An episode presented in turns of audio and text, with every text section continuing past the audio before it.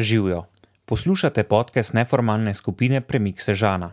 Smo prostovoljci, ki ustvarjamo dva tipa dogodkov. Prvi je velik premik, ki se zgodi enkrat na leto, tam povabimo 5 do 7 govorcev, ki imajo 15 do 20 minutni govor. Drugi tip dogodkov je premik ena na ena. V tej različici povabimo gosta, ki se z njim pogovarjamo eno uro. Seveda pri organizaciji nismo sami. Dogodke so ustvarjajo. Kosovelov dom, Mladinski center Podlaga pod okriljem Zavoda za šport, turizem in prosti čas Sežana, Kosovelova soba pod okriljem Ljudske univerze Sežana, Višja strokovna šola pod okriljem Šolskega centra Srečka Kosovela, Kosovelova knjižnica, Inkubator Sežana, Območna obrtno-podjetniška zbornica Sežana in Klub študentov Sežana. Projekt se sofinancira iz razpisnih sredstev občine Sežana. V tokratni ediciji sem se z Andrejem Klančarjem pogovarjal Žan Papič.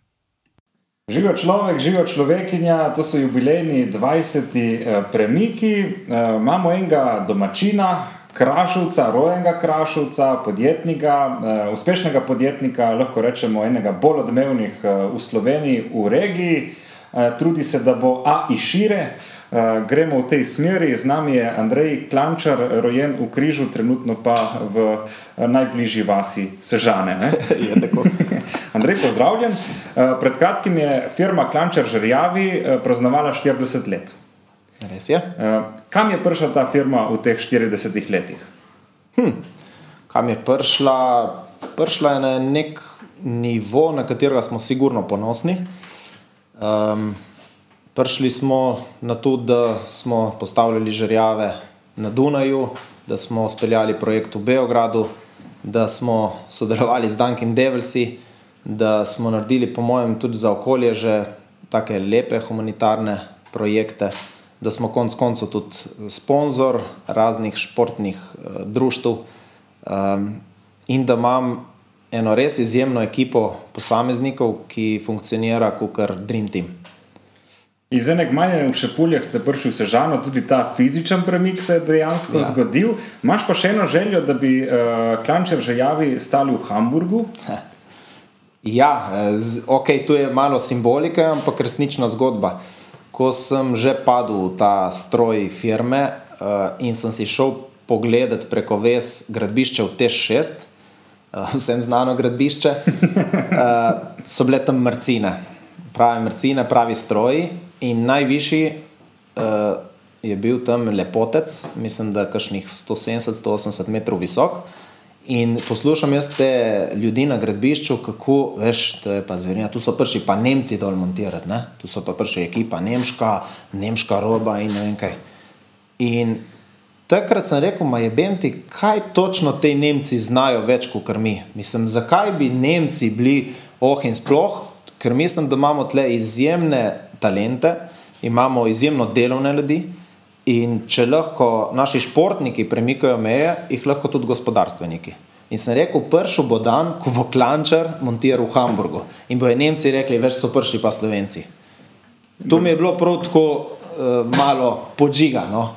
Se pravi, tu je zdaj tvoja motivacija notranja, ki te žene naprej. Dajmo reči, ne, ne zdaj, da prav sanjam v Hamburgu, ampak že v Beograd se prijeti pripeljati in pogledati svoje gradbišče, ko veš, koliko napora je bilo je bil svoj vrsten dosežek, ali pa letošnje, ne vem, tudi prijetne letališče Jože, Jože, Jožeta Pučnika, kjer so res omejitve take in drugačne, ali pa prijetna Dunaj, um, ali pa prodati v Moskvo.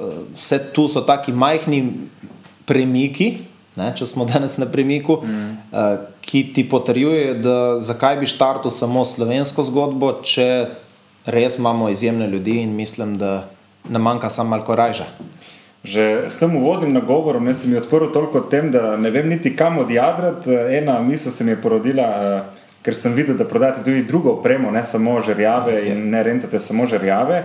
Da je en mešalni stroj tako tih, da so lahko eh, se učili na gimnaziji zraven. Ne? Eh, zdaj sem se spomnil nemška roba iz jugoslovanskega filma eh, Radio ne čuješ, ne? Morda, morda Nemci zaradi tega so tako dobri, ne? ker se ne čuje, da dela njihova mašina, ampak dela. Po drugi strani ste pa tudi v Sloveniji, zdaj se je končala planica, imeli roko. Tudi nad temi projekti in ja, izgradnjo uh, Nordijskega centra. Ja, ja, tisto je bilo tudi no, nor projekt. Uh, prav, uh, mogoče si, ki je že zasledil, o tem sem že govoril. kako smo najprej vstopili v projekt, um, tam, kjer se skakalci odlepijo od tav in zletijo. Tam se je delala prenova in gor spravi žerjav je bilo. Po besedah nekaterih vodi gradbišče ne mogoče, čeprav je pot, ampak je oska pot. Uh, in takrat smo res dali napor, tvegali in, in uspešno speljali žrjav na, na velikanko.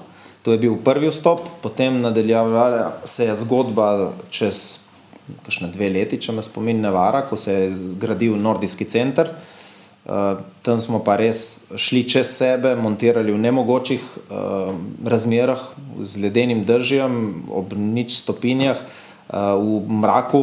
Danes tega ne bi več delali, ker je bila varnost ogrožena, sigurno. Ampak še enkrat, naredili smo premik, dokazali smo, edini smo bili na gradbišču, vsi drugi so se skrili, ampak žrjav je stal. Drznost je ena izmed uh, lastnosti, ki jih ima to podjetje, in definitivno jo imaš tudi ti. Ne, to je uh, mogoče prepotrebna drznost, ampak je ta meja, uh, kjer se lomi varnost. Ne. Zna Andrej videti to linijo? Um, da ima reči tako. Ne. Uh, vsekakor smo tudi v letošnjem letu imeli glavni podarek na varnosti. Uh, da je večkrat lahko tudi ogrožena, verjetno ja, ampak um, vseeno je zmeraj v zadju namen dolgoročno uspevati. In prvi cilj je, da zvečer se vrnemo na dveh nogah, z dvemi rokami in z eno glavo. Uh, tako da ja, tvegamo, ker mislimo, da je za tvegati, ampak na varnosti smo rateli že tako malce skoraj zoprni do sodelavcev in še bomo. No, ker res, res varnost, eh, kot bi rekel David, jo delaš za enkrat, ne za stokrat. Stokrat gre v redu, enkrat gre na roke. Ja, ja. Sej, uh, kot se reče, ne ograja na stopnicah je tam za uni dan, ko se spotakneš, ne za vse. Tako, tako, tako. Je praktično ne rabimo, ampak kadar jo pa rabimo, je pa prav, da je Ja. tam. Zdaj, drzno, eh, tudi posel v Rusiji, nekateri niti kot turisti ne, si ne upajo tja id sklepati posel v Rusijo, pa Ne, ne, v dejansko v bistvu nismo šli nič gor, nažalost, še nas čaka. Eh, Mi smo ogromno poslov, po mojem, da nagovorim malo mlade, eh, tudi zaradi izgleda na socialnih omrežjih, zaradi spletne strani, zaradi strasti, ki se čuti, po mojem, od telefonskega klica do mailov in tako naprej. Uh, prodali velike, drage zadeve, brez da bi stranka sploh prišla k nam. Skratka, 100% avans plačajo, mi odpakiramo, dostavimo, se, se slišimo, ko montirajo, in ponavadi dobimo full dobro feedback, da vse štima. se pravi na podlagi referenc in dobrega dela v preteklosti je zadostovalo, da so vam zaupali. Tako zaenkrat funkcionira. Ja. Uh, Dejmo se preseliti uh, v leto, ko se je ustanovljena firma. Uh, če probamo, še, še, še malo bova zastala. Veš, kaj sem se spomnil? Le to, da si rekel eh, pri tem velikem žrjavu, ki je meril 170 metrov. Koliko je vaš največji? Uh, V bistvu tako, te žrljave so kolego kocke Aha. in v višino z določenimi omejitvami lahko greš skoraj v neskončnost, če imaš določene dele, ki jih uh, zvrtaš, po domače rečeno, v stavbo, se pravi Dubaj in podobne zadeve, ko ste gledali. hvala, prav na, na Dubaj sem tako vprašal, kako so pa oni naredili tako, to največjo tako, stavbo. Oni tu žrjav raste s stavbo in žrjav se sidra v objekt in tako pol omogoča, da tu stoji po koncu. En drugega držijo. Ja, ja, ja. Ku, ku Naš, ne, naš naj, najvišji, uh, mi gremo zdaj v nov trend, mislim, nov trend za Slovenijo, to je nov trend, uh, da se žerjav maksimalno postavlja na višino brez sidranja. Se pravi, ker to sidranje ima svoje slabosti in to se poslužuje šele, ko je res nujno potrebno, drugače je to mm, preživeto. Uh, mislim, da naš najvišji postavljen je na 60 metrov trenutno, če se ne motim. Sej, na številkah se bo še malo, uh, bo prišla nazaj na številke, na razne metre in uh, druge številke. ne. Okej. Ampak dajmo se uh, preseliti ja, v leto 1980, uh, ko se je ustanovila firma, to je ustanovil tvoj oče, Miro Klančar, uh, takrat v drugi državi z drugačnimi pogoji. Uh, kako je prišel na to idejo, da bi imel pa žrjave čez? Se je sploh začelo žrjave s čim drugim? Ni se začelo žrjavi. Kako je prišla ideja do firme, tako je zadnjič na 40. obletnici povedal, uh, to, da je bil zmeraj komercialist, proaktiven, delaven in, uh, in tisti firmi, ki je bil zaposlen, je prišla neka blokada, kjer Jugoslovani niso mogli v tujo državo uh, sklepati poslu, in je rekel, da je na par mesecev so dobesedno gledali v luft. In njemu je tu prebilo vse, in je rekel, ne, ne, jaz tu ne morem, ne morem gledati v zrak. In je šel takrat, se odloči in gre na privat pot. Vsi mu reče, da je nor, da sigurno se bo vrnil nazaj. On je rekel, živ ne. In, in najprej začne s kompresori, tu so tisti stroji za vrtanje. Takrat se je dosti vrtalo, potem miniralo, in potem so prišli bagri in tako naprej. Potem se pa pojavijo čez kakšnih, jaz bi rekel, 10-15 let bagri s pikameri, um, udarna kladiva, ki nadomeščajo počasi kompresore. In oče vidi, da to ne pelje v pravo smer. Istočasno pa je dosti potoval po Italiji in opazil razliko, da tam se vse privat hiše, oziroma manjši objekti, zidajo z uporabo takih majhnih žrjavov. Medtem ko pri nas so se žrjavi uporabljali samo za bloke. In z mamo takrat, leta 90, se odločita, da bosta naredila hišo, in on najame neko skupino delavcev, in, in reče: Ja, in vam bom zrihtel kran, žerjav. A, miro, ne treba krana, ne radimo mi blokov. E, ni problema, on vse jih nabavi, prepelje, postavi. In čez kakšen mesec, on je večkrat prišel na gradbišče, malo pogledal zadevo kako teče, in prej čez en mesec in fant je tako, ne? en tako, drugi čikič, tretji malo gleda, takrat ni bilo telefona, ne? zdaj veš, zdaj tipkajo.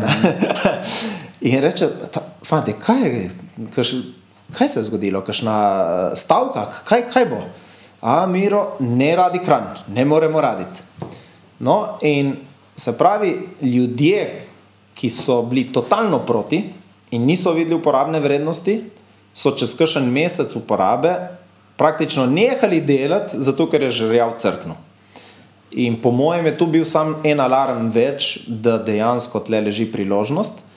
Um, se pa oče ukvarjal tudi z drugo gradbeno opremo in zaupanje stranke imel in proda prvi žrjav uh, firmi Perčič iz Sežane, ki še danes obratuje.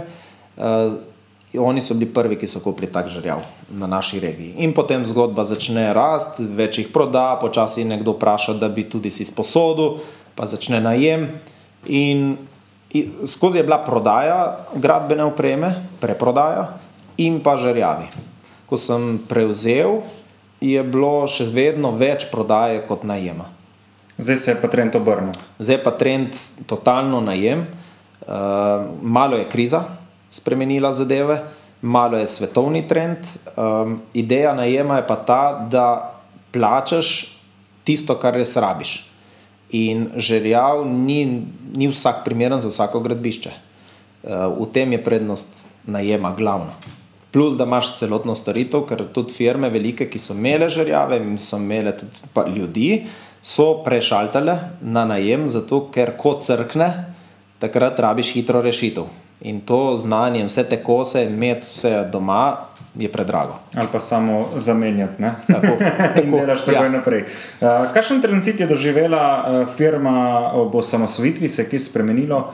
Je kaj vplivalo na delovanje firme? Ma, oče pove večkrat, da to je bila njegova tako največja kriza. Takrat se je svet ustavil po domačem, mi smo super zadovoljni, da smo dobili svojo državo, ampak res je bil en restart. Um, Jaz mislim, da njegova prednost je bila to, da je bil praktično sam.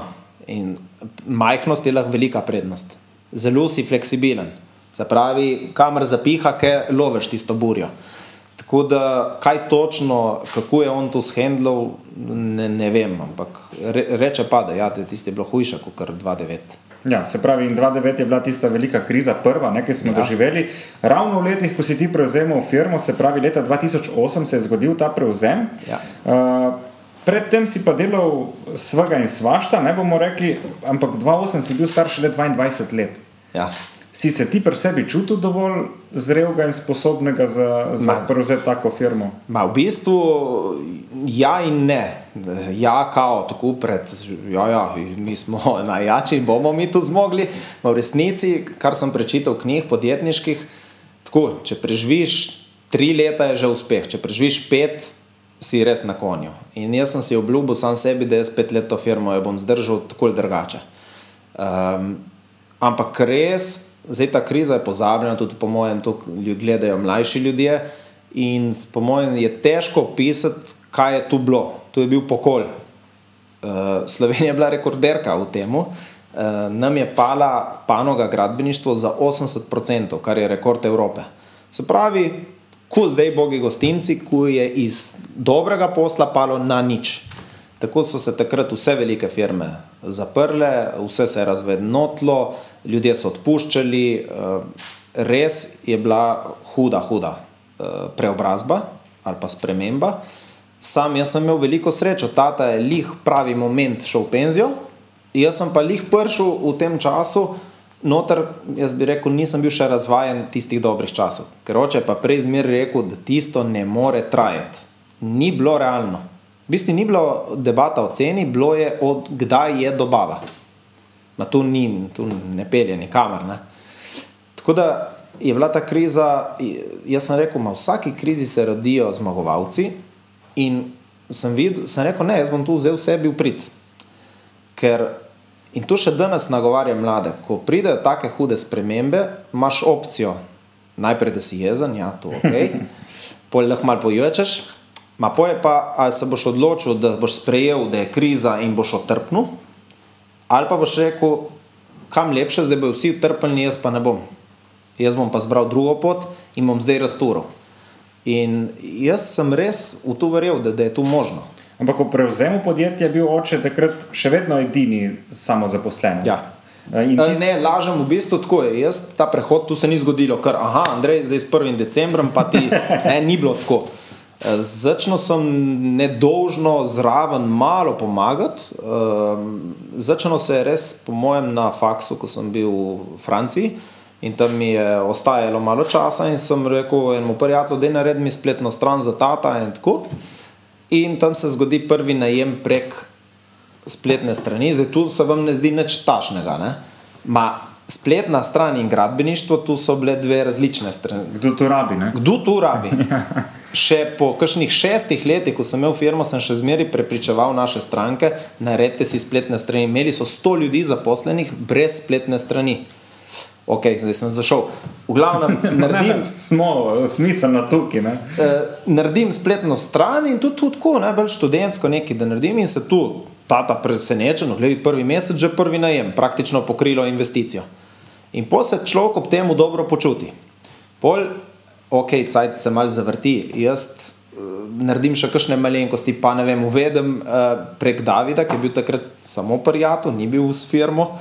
Um, elektronsko bančništvo. Prevoče mogo vem, na banko oziroma tajnici dati, da je pla, ne tajnica, računovod, ker ja ni imel tajnice, eh, plačati račune. Se pravi, take majhne korake in vidiš, da delujejo. Tudi oče kazal neko zadovoljstvo in pol, po mojem te tu pali. Ker jaz res nisem imel namenu prevzeti te. To je že bila neka ideja, da bi ti mogoče prevzel. Ali ste bila že zmena, zdaj boš ob meni pol leta? Ma ne, po mojem, mislim, tu, kar se zdaj opisujem, se je dogajalo, ko sem še trdno bil prepričan, da bom delal svoje stvari, ker sem jih delal. Kaj pa si delal? Uh, delal sem v vse sorti, sem mašetar, zmeraj sem bil prodajalec, še danes imam rad prodajo. Začne, začelo se je že res od malih nog. V osnovni šoli? Ne, prej. No, ja. Res, res. To si prodajal, češ. To, to, to bi vam mama znala povedati. Ba je, ko sem imel tri leta, tri leta in pol, sem začel zbirati nalepke. In takrat so bile te nalepke grozno fascinantne. V česa? Čat jeans, eh, Coca-Cola, eh, krem kafe, podobne zadeve. Karkoli. No, Karkoli. Vsaka nalepka je bila top. Ne, je bilo v... In ko je prišel kakšen obisk, hnjej ali pa tatu, sem jaz tam mal dobro, da ha, ha, ha, in bi kupili nalepko. to je res. Uh, pol se je tu nadaljevalo, jaz niti se ne spomnim z, z vsem čim. Recimo, a, zanimiva zgodba. Um, sestra je delala na eni firmi v Sežani, ki prekladajo časopise in pakiranja. In tam je bilo tudi dosti odpadnega materijala iz italijanskih revij ne vem, Joja, Bravo in podobne, tam so bile brčoletki, parfumi, neumnosti. Ampak oni so tako se poškodovali, tisto se ni rabilo in si lahko nesel kaj domov, je ona to prinesla. In jaz sem nagovoril svoje dobre prijatelje, ki imajo gostilno, da mi to zavijemo, naredimo srečelov in ob nedeljah dobrim gostom ponudimo, da je v Ani igrajo srečelov. In smo tu res kar parkrat naredili in se moram zahvaliti tudi staršem njihovim, da so nam tu pustili. Ne? Ampak italijani so bili prezadovoljni, da so videli tam mulčke stare, po mojem, kakšnih 7, 8, 9 let, 3 smo bili, ki smo tam prišli prodajati jim srečo za 5000 lir, 10 tisoč lir. Skratka, jaz sem tam v enem vikendu zaslužil 50, 60 tisoč lir. Tu je bil za me tak denar, jaz sem si mislil, Ni problema, fanti. Bom živel tega. Bom živel tega. Da nam je šlo. Če ne me umame na drugi strani. Uh, pol, tu, tu ne moramo mimo. Jaz prej sem ti rekel, vsak ima tudi sive cone ali pa črne in bele strani in jaz črnih ne zanikam. Uh, ali pa za me niti ni črna, ampak verjetno za mrsikoga pa bo. Ja, tudi v, drugem, drugih letih, drugih prostorih, kontekstih. Tudi to je res. Je dosti kaj upravičljivo, oziroma bolj milo, da nas bi rekli kaj. Ne? Ja, ja. Uh, tudi, mislim, v razno raznih zadevah, ne samo v preprostoru. Uh, ampak ena zanimiva je bila tudi, da si CD-je takrat ja. pekel po željah. Uh, si rekel, jaz bi imel pa tu, tu, tu gor. V bistvu ne, v bistvu ni, nikoli jaz v resnici nisem prav delal, jaz sem slab za delati. Znam pa povezati sistem in znam videti uh, potrebe ljudi. Si ta middleman. No? Middleman, oziroma prodajalec. Jaz sem slišal, ja, da so šolci, prijatelji in tako zmeraj sem imel rad ljudi in sem bil skozi v krogu. Bi oni počasi poslušali kaj muzike ne, na CD-jih. In jaz sem imel pa povezavo človeka, ki je lahko tu delal. Uh, najprej je bilo to bolj vaška varianta, potem sem dobil enega, ki je profesionalno to delo, še zmeraj je bila to siva ekonomija, uh, tudi igrice so se na ta način prodajale, ampak tu, tu, tu je bil cel posel za osnovno šolca, govorim. Uh, skratka, jaz sem bil vezni člen med tistim, ki je to delal in med tem, ki je to rabo. In jaz sem zrihtal zadevo. Za neko določeno maržo. Tako, marža je bila pa zmer dobra. Ja. Samo zmer, zmer me je oče učil, po mojem, to ostane. Posel je dober, samo, kadar so obe strani zadovoljne. Se pravi, in tu jaz danes verjamem, ne samo za posel, za vse, kar delamo, če je win-win, rečejo američani, pol je to dobro. Vse, kar je win-lose, ne traja. Se pravi, moje stranke, že s CD-ji so bile ene in iste. Ker so bili super zadovoljni, jaz sem tudi dal kakšen priboljšek, oziroma kakšno bolj sceno, če so več naročili, in tako naprej. In tem istim strankam sem čez čas prodajal tudi prenosnike. Potem uh, največja strast, pa ne moramo mimo tega, so bile pa petarde. tu pa pač... to je biznis decembra. Ne? Ja, Nisi junija, da prodaš. Ja, če, vi, če živiš celo leto v čakanju na decembr, pomeni, da je res strast. Jaz sem kot mulj odšteval dneve, kdaj prihaja 1. november. Po 1. novembru se je sproščal trg prodaje eh, petard v Italiji. In jaz sem sem čakal ta dan mrtvih in sem rekel, da je to mimo. Tu te bo enkrat bomno citat, uh, Andrej Klančer, jaz sem samo čakal dan mrtvih. Resnična zgodba. In tle, tle moram res se zahvaliti mami in tatu za zaupanje, ker večina staršev mojih prijateljev uh, ni zaupala uporabe petard, uh, kaj šele pomagala, kaj zraven po nekem čudežu, da mama učiteljica, ne, učiteljice niso jih ljubiteljice petard in tvegan in tako. Je ona meni tu zaupala in tudi tata nikoli ni imel nič proti. Da si jaz... del vzgoje, ne, v končni fazi, da si se navadil ja, sam paziti na sebe. Ja, ja se mi je tudi prste malo upilo in vse svet je bilo. Jaz mislim, da je to ključno in da po mojem zdaj pri otrokih pretiravamo z varnostjo, ker v resnici najbolj štejejo izkušnje v življenju, ko provaš, takrat čutiš. Kar ti drugi govorijo. Ja, ko boli, se naučiš. Ne? Ja, ja. ja. Um, ok, malo smo zašli. Ma, ma, nikoli, prne se nikoli se ne, ne zaide. Do, se ne zaide. Glavna ta strast do petard eh, je ostala, tudi obljubil sem si, da bom do 80 let pokol. Tu sem mal prerekel, sem šel mal čez, predvsem razumsko zaradi živali, tudi hčerka me je prej nagovarjala, tata, letos ne bomo nobene petarde, sosedovi imajo kuška. In moram reči, da tisto, ne vem, kdo je naredil zdaj v Sežani, uh, ne pokaj, petard pokaj od smeha, nekaj tega je genialno. Ne. Tako da Evo, tle sem šel malo, sem pojel besede. Se pravi, si, si se malo spremenil. No? Mičkano, ja. ja. Mogoče tudi za, za voljo uh, mlajših produktov, ki si jih ustvaril. tudi, ja. tudi. Ja.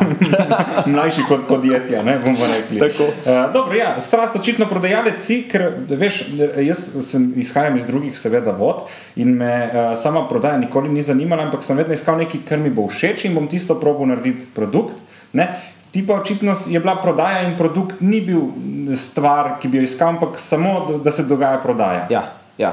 V bistvu, po mojem, če gremo malo medicinsko, psihološko gledati, kaj se zgodi v prodaji, če imaš red. Uh, ko ti prodaš, je nek občutek zmage. Uh, po mojem, se sprosti dopamin, In je to izjemno fajn feeling. Sploh ni fora toliko v denarju, kot ljudje mislijo, kot je v tem občutku, da si tistemu dal tisto, kar si on želel.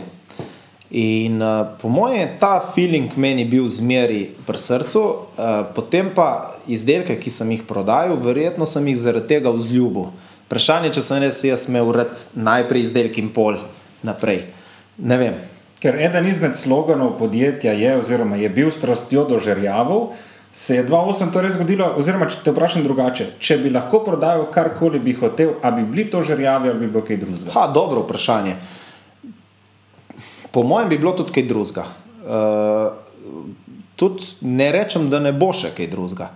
Um, ampak, kar sem zdaj tu prepovedoval, po mojem, je bilo videti strast, da sem imel in do CD-jev, in do računalnikov, in do petard, in do zajemnih skladov, uh, in pol tudi do žrjav. Po mojem, bi rekel, jaz in Roško, mi dva se napaliva na neki. Ne?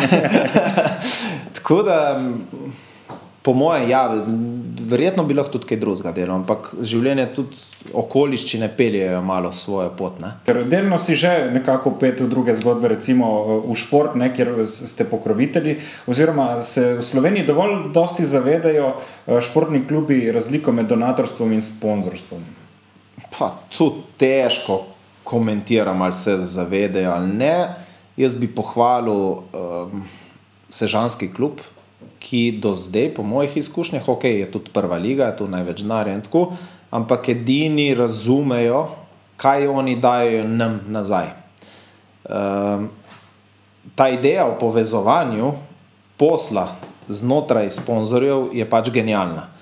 In uh, tu ni samo ideja na papirju, tu so dejansko oni dokazali večkrat. Um, tako da, ko imaš task, da na drugi strani, ki razume, ki daje tudi srce, ker to se vidi, pol, pol lažje požreš tiste cifre, ki jih daš. Um, je pa tako, pravi, da um, srečo se da kupiti, najbolj si jo kupiš, ko doniraš, ko pomagaš nekomu. Takrat v bistvu bolj pomagaš sebi, kot drugemu. Uh, gre sicer za nogometni klub, sam si pa bil bolj v košarki. Ja. Zdaj, če bi zbiral, bi raje podpiral košarko in zaradi nekega, bomo rekli, uh, potencijala tržnega nogometa, ki je pač številka number one ne, v svetu, ali nima to veze. Zdaj, raz, razmišljam, kot razmišlja en človek, ki je pač upet poslovno uh, tudi v, v, v šport. Po mojem je tle izključno. Prodaja znotraj firme, se pravi, prodaja sodelovca, ki je prodal zgodbo taborja. Uh, ker drugače sem bil ja, proti nogometu, nogometa skoraj ne gledam. Uh, ampak, ko ti začutiš strast te mlade ekipe, kaj si želi na pogorišču, potem smo definitivno zraven. Uh, podpiramo tudi, uh, rečemo, maraton, podpiramo, mislim, da smo tudi poskokca podprli, vse take zgodbe, kjer čutimo res strast. Pravi, če bi lahko zbiral, bi imel en klub v NBA, recimo Klančer, Žrjavi, Charlotte Bobkins. Ne. ne vem, če namiguješ na to stvar, lahko ti jo povem, kako je bilo. Jaz sem treniral 9 let košarko. Uh, iz tam sem, po mojem, izjemnih um, stvari se naučil, od ekipnega zmagovanja do požrtvovalnosti, do ustrajnosti, do porazov, do um, kritik do nepravičnosti. Um, ok, tu je bilo vse pozitivno, ampak tako ena motivacijska, uh, kot je bila s tem Hamburgom, se je zgodila tudi na igrišču. In sicer, ko je trener po mojem mnenju, neupravičeno bil nesramen, lahko v dobrem smislu. Jaz mislim, da je igral celih čuti, kdaj je z dobrim namenom, kdaj je kdaj, no. tako, kdaj pa kakšna šlehtnoba. In takrat sem si sam sebi rekel, poslušaj ti, prijatelj, da ne bom jaz en dan lastnik kluba, ko boš ti videl, kaj se bo dogajalo s tabo. Ne? Ker življenje se hitro obrača. Uh, tako da m, zaenkrat ne razmišljam o tem, da bi imel svoj klub, ampak nikoli ne reci nikoli. Če se pa da mladim kaj pomagati, da grejo na pravo smer, pa sigurno. Uh, mislim, da res šport res da dosti.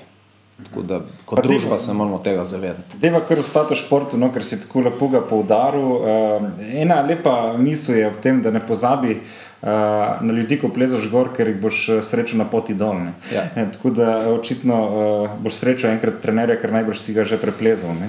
Tako da ne ga pozabiti. Skratka, ekipa. Ja, uh, bil si, veljal si, no, tako so rekli, za zelo nepopustljivega, ustrajnega, uh, drznega, kar se, kar se še vedno kaže. In ekipni duh, danes podjetje šteje več kot 20 zaposlenih, eh, kljub temu, da si začel sam, oziroma nisi začel sam. Ne? Kaj si naredil takoj, ko si prevzel firmo? K- eh, V bistvu še prej, tu sem prej malo tako. Uh, Ko sem rekel, imeli smo razne posle, in eden, na katerega sem sigurno ponosen, je tudi mrežni marketing, kjer smo mi pomagali ljudem ali pa jim prodajali varčevanja v vzajemnih skladih. In tam sem še bolj navezal stik in še bolj uh, poglobil odnos z Janjem Komelom, uh, kjer sva res ratela brez frenda, uh, se ogromno naučila, uh, ogromno doživela. In on je imel idejo takrat, da bi šel v eno državno službo. Jaz pa tako z očetom sem večkrat rekel, da ima mi rabimo enega fanta, mislim, zakaj ne bi imeli svojega monterja. Ne? In Jan je bil izredno tehničen, izredno inteligenten, delaven, uh, istih vrednot. Sej, sp, ponavadi imamo prijatelje s podobnimi vrednotami. Iste ptice skupaj lete. So razlike, vsakmu, ampak neke vrednote ti ne moreš imeti prijatelja, ki ga ne spoštuješ. Lahko ga imaš samo za kratek rok. Uh -huh. Na dolgi je zmeraj spoštovanje tisto, eh, nekih istih vrednot. In tako da sem pregovoril in očeta, in Janja, da je vstopil v firmo. On je v bistvu prišel pred mano v firmo.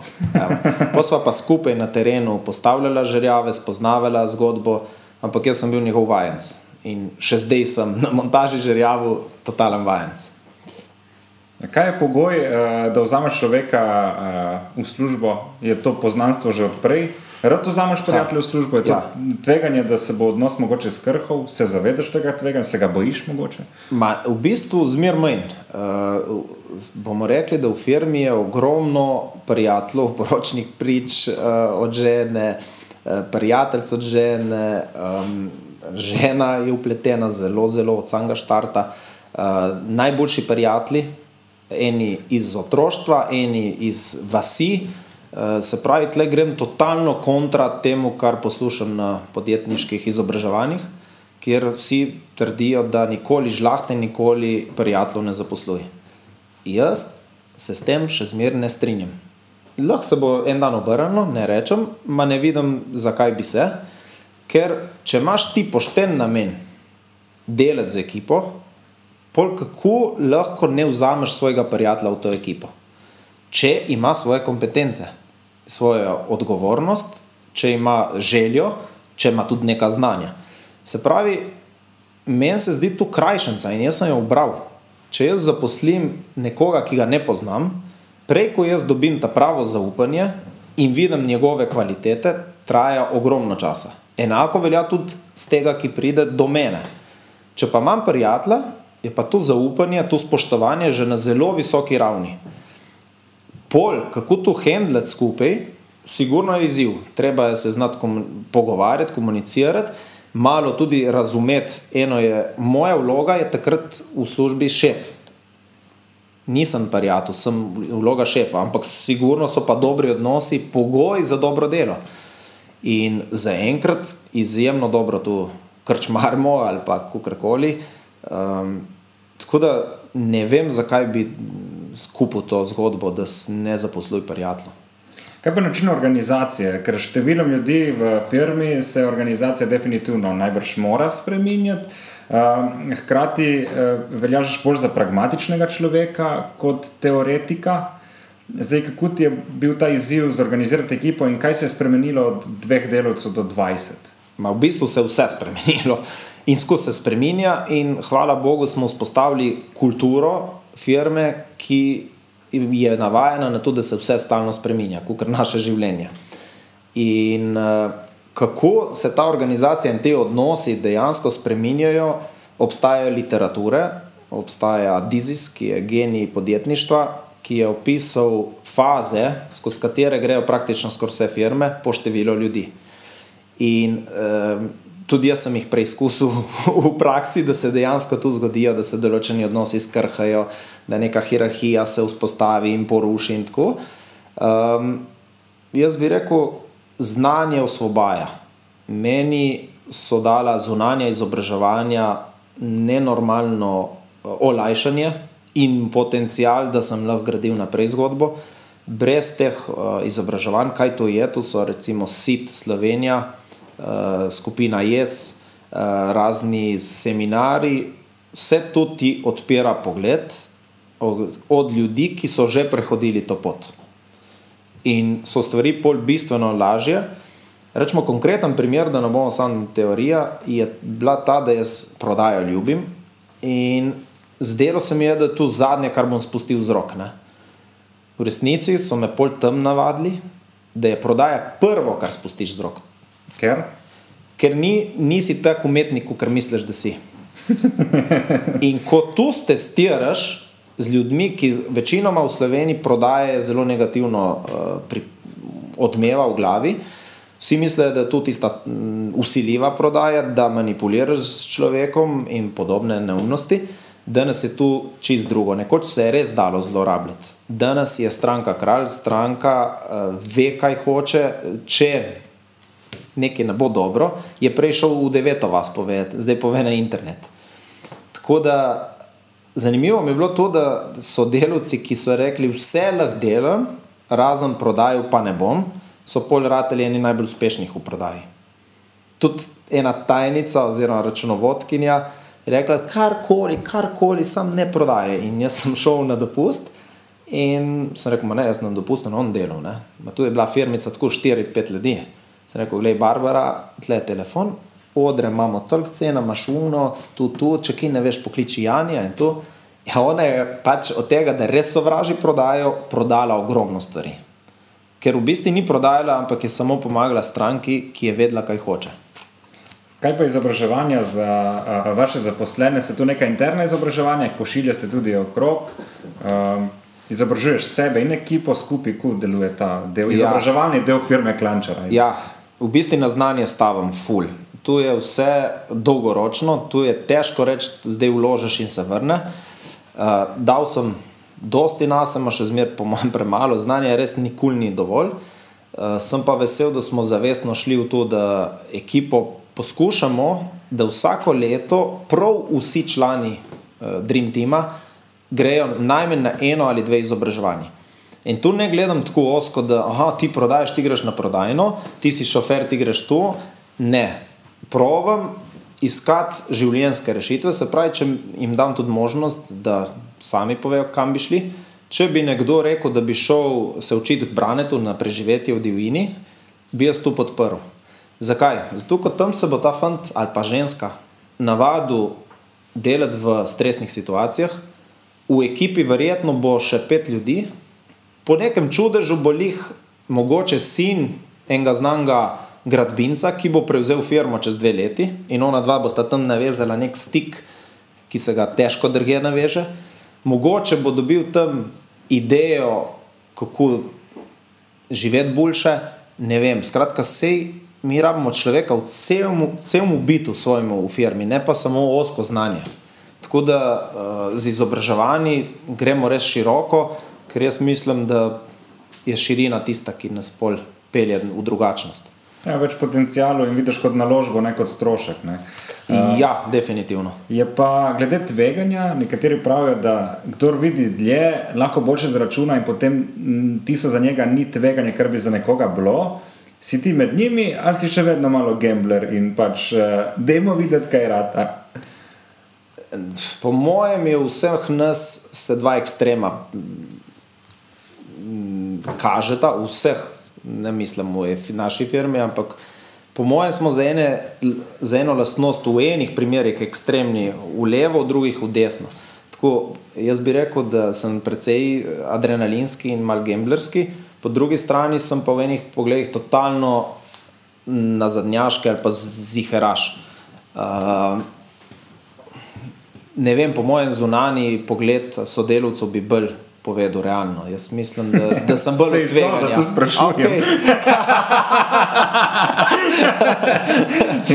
ja. Mi je pa fajn, da si spet omenil očeta, zato ker oče je definitivno ta neka, bomo rekli, stara šola ja. gradbenika, nisem prodajalca, ja, kakorkoli, ja. ki se najbrž niti ni imel potrebe, niti ni zavedal neke razvoja blagovne znamke, ja. na kar si pa ti dal in oziroma daješ še vedno zelo velik pomen. In uh, spet, kdo tu rabi, bi rekel, še jaz, danes v gradbeništvu, iskreno, ne? po drugi strani se pa tu vidi kot res uh, velik uspeh in odmevno, ne? ker naenkrat te malo zanima, že rjaveč. to pa smo zmagali. ja, ne vem, morda sem mal palil po sebi, morda je ta tam mal bolj nazaj, čeprav ok. Uh, morda vidim v tem dodano vrednost, morda sem tudi skozi izobraževanje slišal o brandingu, um, ampak tako. Če vi greste v neznano državo, zdaj žal ne, ampak čez neki cajt, tako ste šli in ko vas božeja primla, ne, in boš prišel pred hladilnik in sam žejem boš in vedno ne boš, kaj bi, boš zgrabil Coca-Cola. To je dokazano. Ne. Mogoče bo najbrž od Coca-Cola. Verjetno. Ne. Se pravi, ta brand ima neko moč, um, neko prepoznavnost. Jaz pravim pa tako, v našem primeru, mi smo ponosni na to, kar delamo, izjemno ponosni, uh, ampak vsaka stvar ima plus in minuse. Prej, ko so bili žrjavi neoznačeni, skratka, mi smo to začeli v Sloveniji. Uh, ko je padel dol, noben ni vedel, če ga je bil. Ne? Mogoče so rekli, da je gradbišče od Primorja, ne? zdaj piše klančar, če pade. Tako da je lahko tudi slabo. Ampak delamo na tem, da se to nikoli ne zgodi, in tudi če bi se zgodilo, bi stali za tem. Uh, smo ponosni in tu radi pokažemo. In, um, ja, blagovna znamka je tista, ki nekaj obljublja ljudem. Se pravi, ko ti vidiš Apple znak ali pa Mercedes ali pa Nokia ali pa Klančar, stoji v zadju, v glavi, miselni vzorc neke obljube.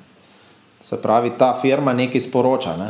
Apple je sporočal drugačnost, nadpoprečnost, dizajn in podobno. Uh, mi sporočamo, če drugega ne, da smo seksi, ker eh, ljudje, ki nikoli niso pogledali prej gradbenega stroja, ga zdaj pogledajo in pošljajo fotko. Uh, je želja tudi en simbol razvoja, ko bo se spet odprlo po COVID-u in ko boste leteli ko pristajate in če bo lep sončen dan, idite pogledati levo, desno, tisto mesto, kjer, kjer je. In če so žrjavi gor, pomeni, da je tam razvoj, da je tam ekonomija, da je tam prihodnost. Mm. Če tega ni, in leta 2009, 2010, 2011, je v Ljubljani bilo postavljenih kakšnih sedem žrjavov, vse skupaj. Takrat je vsak, ki je priletel v Ljubljano ali pa se s taksijem popeljal, vedel, da tle je fucking mrtvilo zdaj je pa zgodba drugačna. Um, Pred kratkim ste dali en žrjav v center Ljubljane. Ja, več jih je zdaj v centru, ja. tudi tam blizu RTV-ja, kjer imamo kolege z Radia Gaga. Na to smo tudi zelo ponosni, kako se je ta strast um, zgodila in kako so zdaj kar neki odnosi nadaljavo se vzpostavili. Um, no, še enkrat se ponavljam, pač pravimo podprti ljudi, ki delajo z dušo. Ampak eh, recimo, razvoj blagovne znamke govorim tudi zato, ker ste tudi v firmo zaposlili človeka, ki se bo zdaj ubadal samo s tem, oziroma se obada samo z celostno grafično podobo Res, podjetja. Ja, ja, ja. ja, tu je spet malo odpiljeno. Ne? Po mojem bi si upal trditi, ker v Evropi poznamo vse glavne playerje, ki delajo isti posel kot mi. Jaz mislim, da smo edini, ki imamo v tako majhnem tako majhni firmici, ker mi smo majhna firma za Evropo. Uh, zakaj majhna? Zato, ker so firme s 300-400 žrjavi in tudi 2000 žrjavi. Uh -huh. uh, mi smo na 90. Uh, ampak smo ja, tudi malo drugačni kot vedno in stavimo tudi na grafično oblikovanje, na dizajn, na podobo. In pol se pač dogajajo zadeve, da smo zanimivi tudi za ljudi, ki nimajo veze z gradbeništvom. Kot tista prispodoba s policajem in avtom, ki se je zgodila na Hrvaškem pred 14 dnevi. Si videl na Facebooku? Ja, si videl. videl? je pač ki avto. a? Spremljam, da je spremljam. Uh, kaj, je še kakšen tak poklic, ki ga imate znotraj firme, da bi pa rekel, kaj pa ta dela tukaj, v smislu, ne vem, prej si omenil Mercedes, recimo imajo audio oddelek, ki skrbi, da se čim manj sliši v avto. Ne? Je še kaj, kjer žar, klančar žrjavi imajo, aha, zakaj pa imate vi tega v firmi? Ma ne, žal še ne. Žal še ne, ma imamo že pripravljeno. Jaz imam v glavi sliko, kaj še pride tako Bi eksotično. lahko kaj povedal? V bistvu malo delam jaz na tem, sem jaz sem tisti kapetan, ki moram skrbeti za to barko, da, da imajo mornari kaj delati, da gre v pravo smer, da ko prija nevihta, da jo odnesemo vsi celi. In pol zmanjka malo časa za to, kar bi jaz del, zato bo prišla še ena desna roka. In sicer nekdo, ki bi se še bolj aktivno ukvarjal z zadovoljstvom delavcev v naši firmi. Maserka. Kaj? Dobra ideja, podpiram. Zelo podpiram, vse čast. Uh, ja, omenil si podjetja, ki imajo veliko žrjavov, zdaj nekoč ste pristali tudi v delu, uh, radi se poudariti, da je neplačen članek, se pravi, da je novinarje dovolj zanimalo vaše delo. Ne? Um, ker si v članku obljubil, trenutno je uh, nekaj čez 90 žrjavov, Ja. se gre proti stotki, obljubil si jih 300. Ja. Uh, ne bomo jih tako šli proti 300, ker 300 ni nič, to je samo ena številka, za si jo lažje predstavljati, zato da ima cela posadka vizijo, Točko relativiranja. kakšno barko bomo pluli proti cilju. Cilja v resnici ni, ne? v življenju Cilj je pot. Cilj, tako, cilj je pot. Mi si želimo predvsem zgodbo, ki bo čez 60 let še zmeraj aktivna, na katero bomo zelo ponosni, na katero bomo lahko vnukom razlagali, kaj smo delali, in ki bo dosti dobrega prinesla tudi okolju. Um, Te bom, kar, te bom kar vzel besedo, eh, mislim, nadaljeval, zato ker si mi dal spet lepo izhodišče, ampak v bistvu me ti vodiš čez pogovor.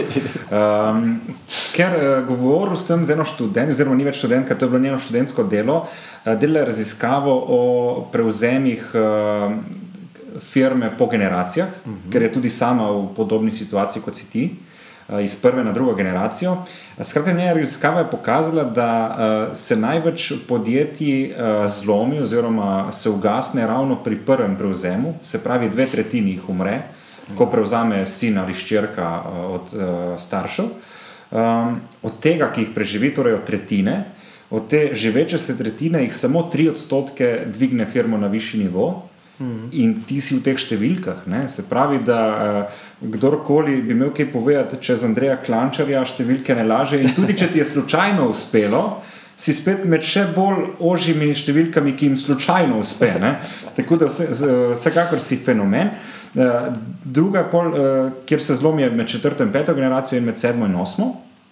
Zdaj, uh, si se zavedal teh tveganj, ko si Sem. prevzemal firmo? Si. Sem, in zato sem tudi rekel, tistih pet let je ključnih in sem rekel, tisto bom spelil, pa makar umro, reče naši južni bratje. Um, tako da, ja, zdaj a so te številke še zmeraj realne ali ne, ne vem. Um, sigurno je neki izziv, uh, je pa tako, ne smemo pozabiti. Jaz sem dobil majhno firmico. Če bi jaz dobil firmico s 40 ljudmi, bi bil verjetno ta prevzem težji, tako si mislim. Uh, tako da jaz sem imel pač spet srečo, ko brez sreče ni nič.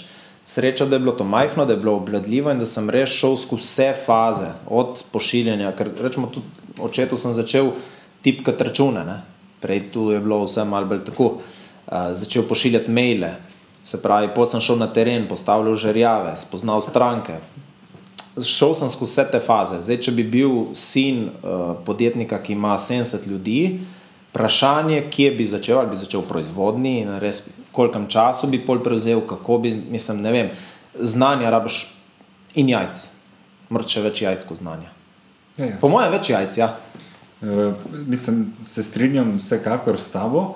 Um, zdaj, prej si omenil razne izobraževanja, uh, bereš tudi knjige. Ja. Ma, rad bi jih več, ima zmanjka energije ali pa volje, in hitro ugasne in pade knjiga dol. Drugače pa jaz jih imam rad. Bi mogoče dal kakšen piškotek za naše mlade podjetnike, kaj bi, eh, kaj bi predlagal? Ma, jaz bi predlagal manj inputa in več outputa. Se pravi, čujem za angliščino, se pravi, več, uh, manj notranjih podatkov in več vaše proakcije. Uh, tu sem zadnjič slišal in se mi je zdelo zelo na mestu, ker ta izobraževanja, ki so danes in razni YouTube in seminari in tako naprej, so lahko tudi, kot vsaka stvar, tudi droga. Če jo zlorabljaš, se pravi, da ti samo poslušaš te zadeve in kako bo in kako bo, in če se ne premakneš, ti tu nič ne pomaga. Se ne premakneš?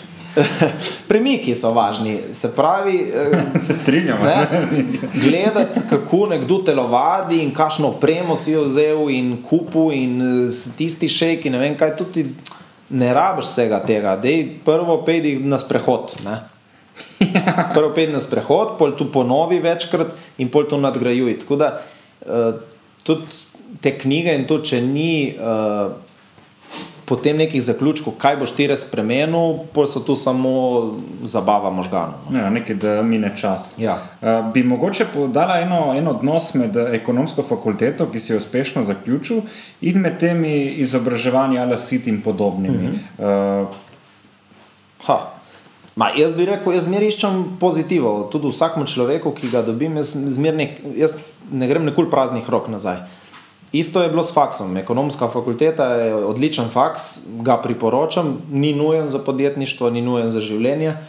Um, srečal sem izjemne ljudi, srečal sem poprečne, neumne, vsega je bilo. Um, sigurno pa pol eh, je življenje, vse vidimo, kaj se zgodi. Tu v desetih letih znanje zastari. Ne? Kakšen Snapchat, kakšen YouTube, kakšen influencerji, mi na faksu, ni obstajal influencer. Uh, Um, vse to se tako hitro spremenja, da po mojem verjamem vse življenjsko učenje. Uh, Verjeti v diplomo in da je to, to, mislim, da so tempi pasati. Tako da faks je bil super, lepa izkušnja, ena ustrajnost. Um, Ne vem pa, če je bil ključen za, za to, da uspevam v podjetništvu. Ne vemo, če škodo pa ni. Tako, tako ja. Eh, si pa zdaj pred kratkim prvič eh, celo predaval za študente ekonomske fakultete. Ja, ja tu so se mi pa sanje uresničile, ajde, če, če smem povedati. Uh, ker jaz sem študiral podjetništvo, malo podjetništvo in tam je ena odlična profesorica povabila um, dva, nista bila študenta, sta bila že malo več kot študenta dva idrčana, ki sta se spoznala po naključju štopanja, naredila firmo in takrat, ko sta predavala, sta imela osem ljudi. In meni sta bila pač carja, noro, kaj lahko narediš z nule, osem ljudi daješ plačo, živiš svoje sanje, noro. No, ta dva fanta ima zdaj 150 ljudi in nastopa sta na ne vem kolikih trgih. Uh, izjemna zgodba, Ampak jaz nisem vedel, da bo taka. Meni je bila samo všeč in sem rekel, enkrat upam, da bom tudi jaz. Ma ne upam, takrat sem se kar rekel, enkrat bom jaz vrnil študentom ekonomske in bom imel zgodbo, katera bo lahko navdihnila. In tu se je zgodilo, ja, prejšnji teden, mislim. Da. Vidim, ja, ko si še zmeraj žarom v očeh in cel vesel, da se je to zgodilo. Uh, očitno tudi rad predajaš uh, svoje znanje. V bistvu me to zelo veseli. Ja. Tako da, če je kdo mlad, ki resno misli in ki vidi neko uporabno vrednost v, v mojih besedah, sem na voljo, z veseljem rad pomagam, uh, ker meni so te mentori, tudi zdaj ga imam. Mentor se sliši, kot da se tu dobivaš, vsak teden se ne dobivaš. Mhm. To je človek, ki je prehodil pot, v mojem primeru, iz 30 na 150 ljudi. In ko ga pokličem, redko ima čas, in ga pazim, da ga lahko. To so ta dva ali ne, to so zdaj drugi. drugi. Uh, ki mi v dveh minutah reši meni tak problem, ki ga bi reševal par dni ali pa tednov. Uh, in z veseljem vem, da je kakšen na korakih, ki sem jih jaz naredil, in z veseljem, z veseljem dam to naprej. Bi kar konkretno povedali, kako bi se to lahko zgodilo? Ma, lahko me kontaktirajo prek Facebooka, LinkedIna, uh, telefona, ok, telefon malo težje. Instagram. Instagram tudi, ajde. Dobro. Uh, ne, ker veš kaj, uh, ko si mlad, ful težko je vprašati že. Vem. Ja. Tudi jaz sem imel full treme in sem si želel, in poznal sem sežanske podjetnike, ki sem si želel jih vprašati njihovo zgodbo, mogoče bi celo pisal knjigo o njih. Ne? Kako razmišljajo, kaj je tisto drugače, kot delajo drugih. Ne? Meni je to zelo zanimivo. In v resnici redki zberemo jajca, da to vprašamo. Ponavadi vsi ljudje radi razlagamo svojo zgodbo, radi smo poslušani. Ne? Dvomim, da se bo zgodilo, da boste povlekli enega za rokav, lahko je to športnik, lahko je to umetnik, lahko je to Žan Papič in da te vprašajo, kako si začel to stand-up sceno, kako si začel premike. Moj boš z veseljem mi povedal. Ne, ne. ne, se mi zdi fajn, veš zakaj? Ker itak, uh, fajn je deliti. Jaz sem si zapisal eno besedo pred tebi, ki sem se pripravil na te open source. Ne. Um, kar je recimo Wikipedija, se pravi odprt sistem podatkov, najbrž je tu tvoja filozofija. Ja. Uh, živiš kaizem, uh, jaz bi mu rekel kakizem, ne, če, če združimo tebe in uh, filozofijo. Uh, bi povedal, kaj več, kako se tu žarči skozi tvoje življenje. Hm. Ja, da si rekel ta odprti veri ali pa open source, uh, v bistvu transparentnost. Uh, tu je, po mojem, ena večjih razlik med mano in tatom. On sploh tega ni dojel, ko sem jaz delil praktično vse informacije z ekipo, uh, brez da bi tukaj prečital. Pač nekako se mi je zdelo, da je prav, da če veslamo, da vemo, kam veslamo, kako veslamo. Zdaj jaz ne govorim, da povem prav vsako intimno zadevo, ampak kar se tiče firme, smo res transparentni in bili smo transparentni še preko je bilo to v trendu. Uh, danes, po mojem, živimo precej nagi vsi, uh, privatnosti ni več, to, to ljudje imajo namišljeno privatnost, po eni strani visoke zidove in zavese, po drugi strani socialna mreža, na katerih dajo algoritmom vse znanje, da vejo vse o njih. Um, če si nekoč kot podjetnik lahko blefiral, kako ti gre, kako ti ne gre, ali imaš račune odprte ali nimaš, je tu zdaj vidno iz dneva v dan na, na raznih programih. Um, skratka, če ga usirješ, tu pride takoj na vsa omrežja. Se pravi, živimo v dobi, ko neke grozne privatnosti, po mojem, ni več, kar je lahko tudi slabo.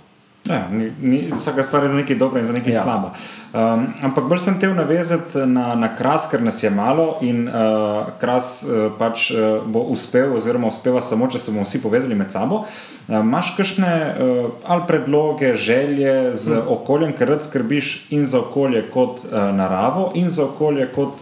Pač v okolju, v katerem živiš, uspevaš, oziroma živijo tvoji otroci, prijatelji in podobne reči. Ne? Ja, takrat je meni izjemno pomemben, meni je tu bogatstvo. Tu, da grem jaz na Napoleoniko, ki bi bila lahko tudi slovenska, me ne gane, ali slovenska, ali italijana, ne italijanska. Zdaj je pač, Maroko vse naše, ko smo v Evropski uniji. tako, tako. Pač tu, tu, tu, tu nima noben na svetu, ta, tako lepih terenov, tako čistega zraka. Uh, tu, da smo v bistvu dobimo sneg, a v bistvu smo deset minut do morja. Uh, da imamo to burjo, res sem navezan na to in za kariero ne bi nikoli šel v Dubaj, nikoli ne bi šel na Alasko ali pa New York. Uh, šel bi mogoče momentalno za kakšno leto, za izkušnjo, ampak nikoli zaradi posla, ker mislim, da, da so tle idealni pogoji. Um, kar se tiče povezovanja, pa bi rekel tako, da ljudje se povezujemo, ko nam je težko.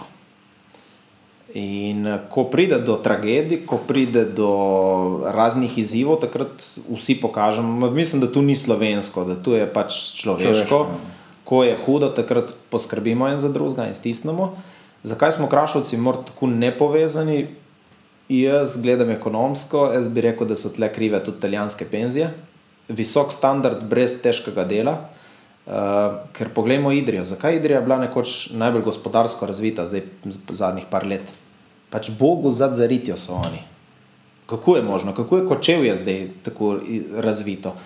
Ja, kako so Goriška brda prišla na ta nivo? Oni so bili odpisani, oni niso bili ne Italija, ne Jugoslavija, tam sami boji, gor na hribi. Evo, poglej zdaj. In jaz mislim, kaj je dobro in kaj je slabo, čas pokaže.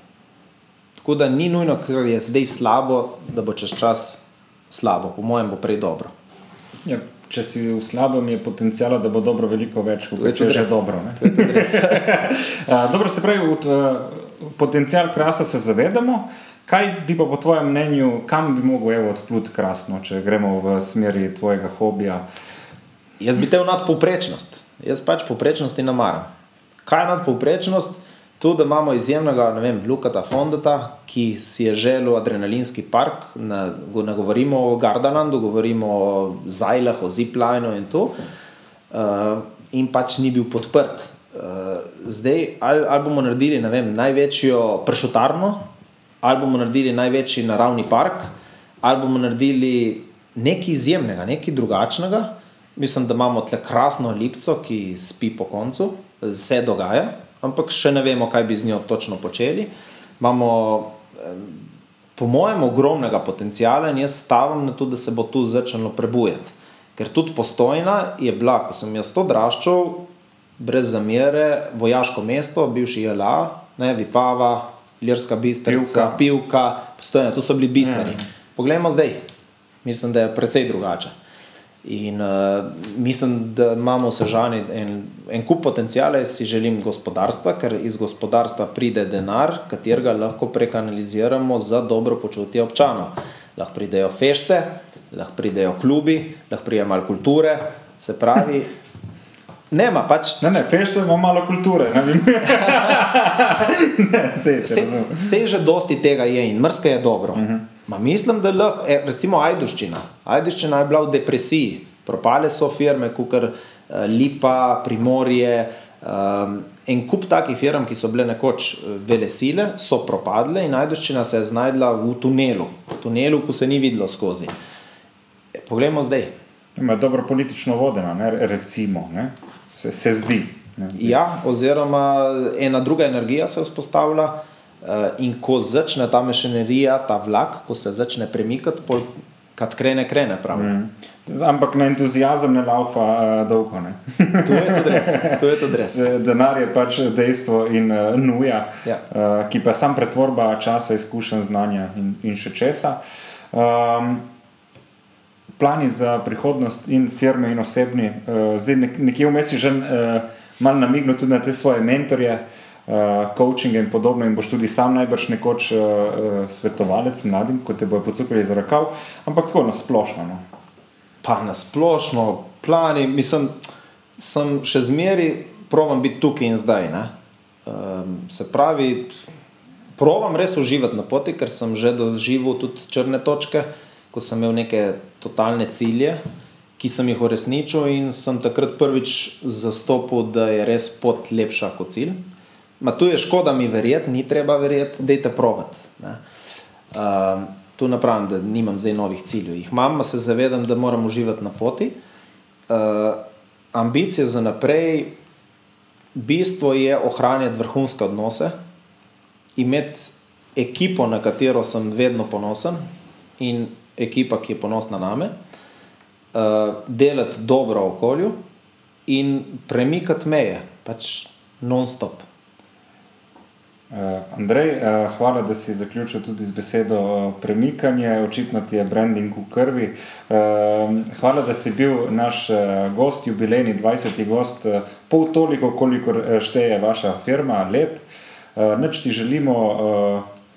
Veliko uspehov, tako osebnih kot uh, poslovnih, in uh, sprejeti si v družino premik. No, tako da čestitke tudi ob tem. Hvala lepa vam za povabilo in iskrene čestitke za 20. premik.